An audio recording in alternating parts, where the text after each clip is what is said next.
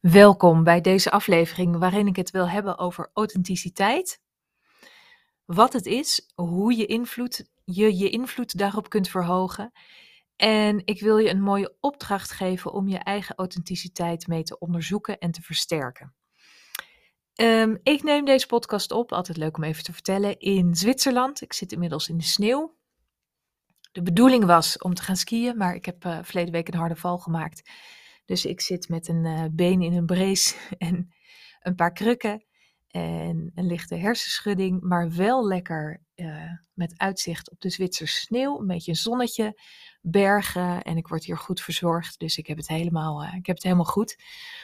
Um, en de bedoeling is om elke dag een podcast op te nemen, tenminste dat is mijn streven. En dit is de eerste daarvan over authenticiteit. En in mijn hoofd spreek ik dat dan altijd authenticiteit. Het is zo'n lekker containerbegrip. En um, misschien is het ook wel heel erg niet tastbaar. Maar ik wil het toch een beetje tastbaar maken, want ik denk dat er best wel wat interessants over te zeggen is.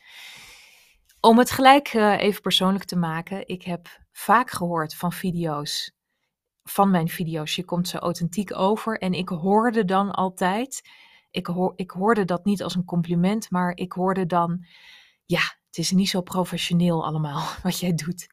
En ik denk ook dat professionaliteit en authenticiteit elkaar een beetje in de weg kunnen zitten.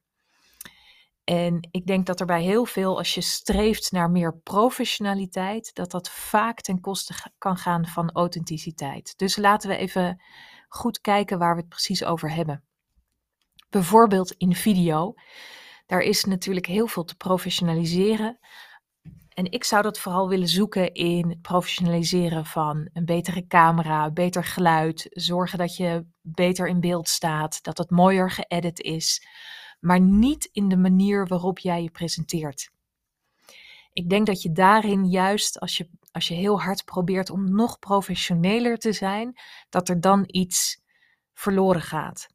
En juist datgene wat verloren gaat, dat maakt jou uniek, bijzonder. Um, dat zorgt ervoor dat je anders bent dan de rest. Want als je daarin toekruipt naar professioneler, dan kruip je altijd toe naar hoe de anderen in jouw markt het ook doen. Dan kruip je altijd meer toe naar een gemiddelde.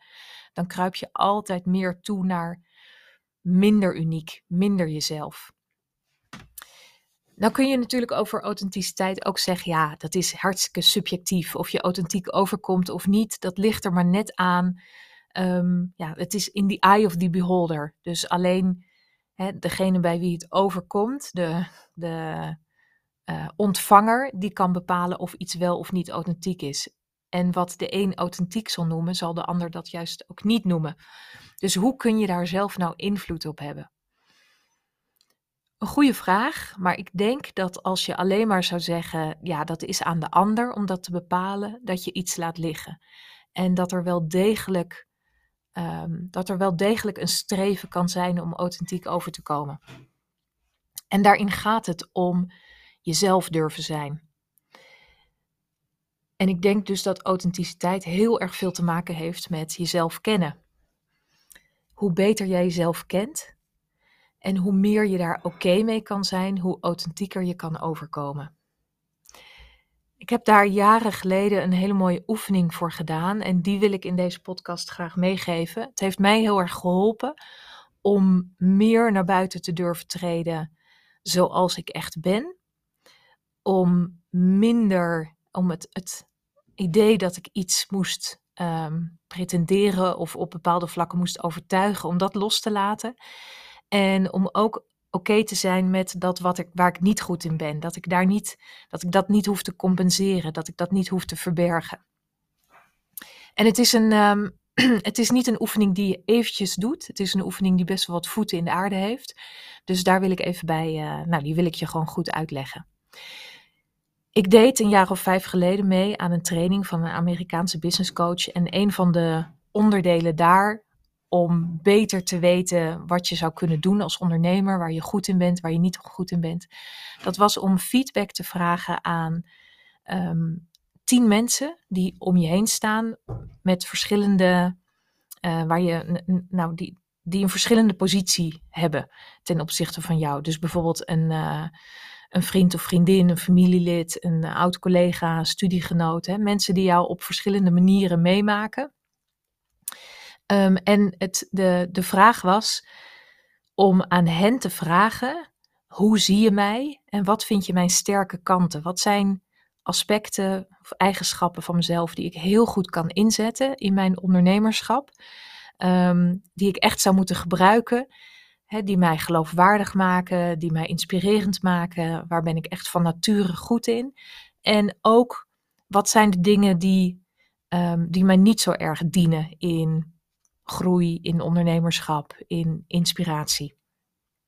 En ik kan me nog heel goed herinneren dat um, ik deed die opleiding met een hele groep en er was een Facebookgroep bij. En toen heel veel meer mensen die oefeningen aan het doen waren, kwamen er heel veel terug met als feedback: ja, het was een één grote teleurstelling deze oefening. Want ik heb die vraag gesteld aan tien mensen en ik heb er maar van twee antwoord gekregen. En dat gold voor een heleboel mensen dat er heel veel teleurstelling in zat. Hè? De teleurstelling van ik heb, ik heb geen mensen om me heen die, uh, ja, die, die zin hebben om tijd en moeite in mij te steken om mee te denken. En ik had een, uh, ik had een 10 op 10 antwoord. Dus alle mensen die ik had gevraagd, die hadden mij ook geantwoord. En dat komt omdat het een hele grote vraag is die je aan mensen stelt. je vraagt echt aan mensen om even te gaan zitten, om over jou na te denken, om daar een analyse bij te hebben, om dat in woorden te gieten en dat aan je terug te geven. Dus dat is niet niks. Dat is niet wat mensen even tussendoor doen. En dat had ik me heel goed gerealiseerd toen ik die oefening ging doen. Dus ik dacht, als, als ik zo'n grote vraag stel aan iedereen, dan wil ik dat eerst voor henzelf doen. Dus ik heb, niet, ik heb iedereen niet een mailtje gestuurd met: uh, Wil jij tien vragen aan mij? Wil jij tien vragen beantwoorden? Maar ik heb ze ik heb eerst aan hen teruggegeven hoe ik hen zag en wat ik goed van, aan hun vond en wat ik inspirerend vond, wat ik van ze leerde, ehm, waar ik ze minder sterk in vond. Dus ik, heb echt, ik, ben er echt, ik ben echt voor ieder van hen gaan zitten. Um, ik heb de tijd genomen, ik, heb, ik ben echt stil gaan staan bij wat betekenen deze mensen voor mij. Dus wat beteken je voor mij? Wat, wat, um, ja, wat vind ik echt heel gaaf aan je? En uh, waarom waardeer ik wat waardeer ik allemaal aan je? En dat kwam natuurlijk hartstikke uit de lucht vallen voor mensen. Dus ik vond het ook wel spannend om die mails te sturen.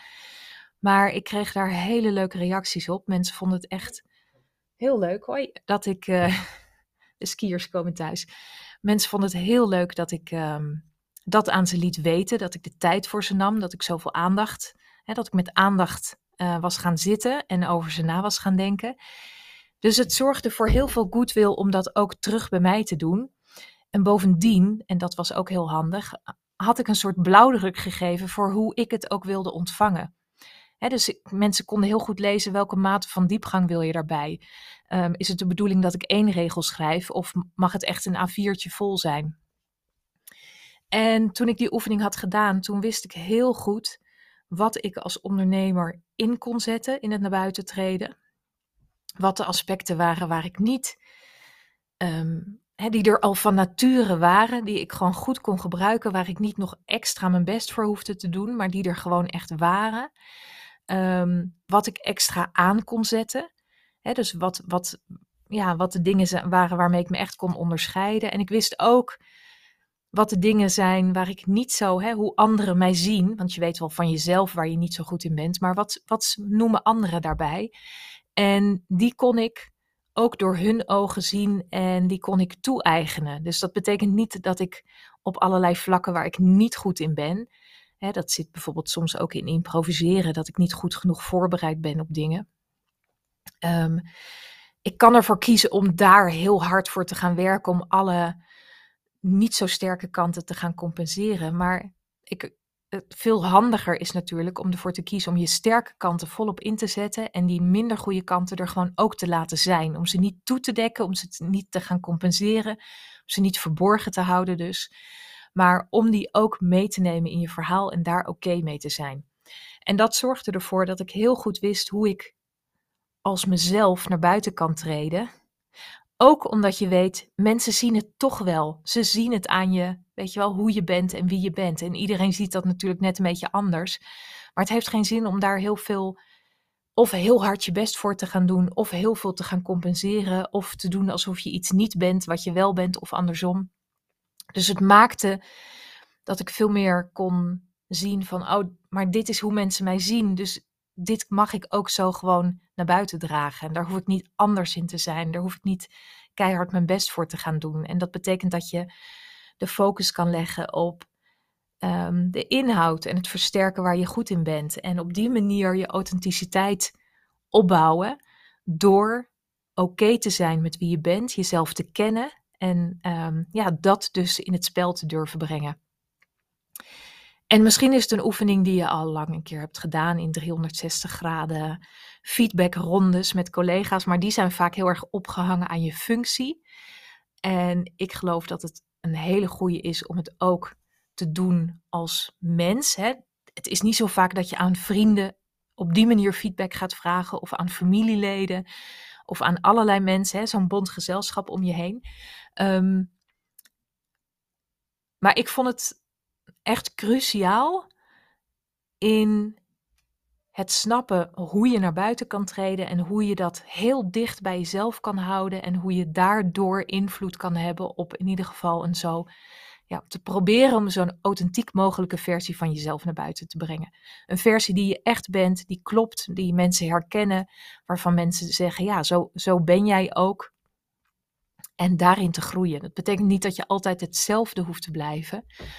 Ehm, maar het betekent wel dat je ja, niet, gaat, hè, niet heel hard gaat zitten overtuigen op iets wat je niet bent. Of overcompenseren. Of Ehm, ja, een soort bewijsdrang of iets onechts of iets neps, zeg maar, erin, erin ja, in jouw presentatie brengt. En dat kan in verhalen zitten, in video's, in podcasts, in alles wat je doet naar buiten toe.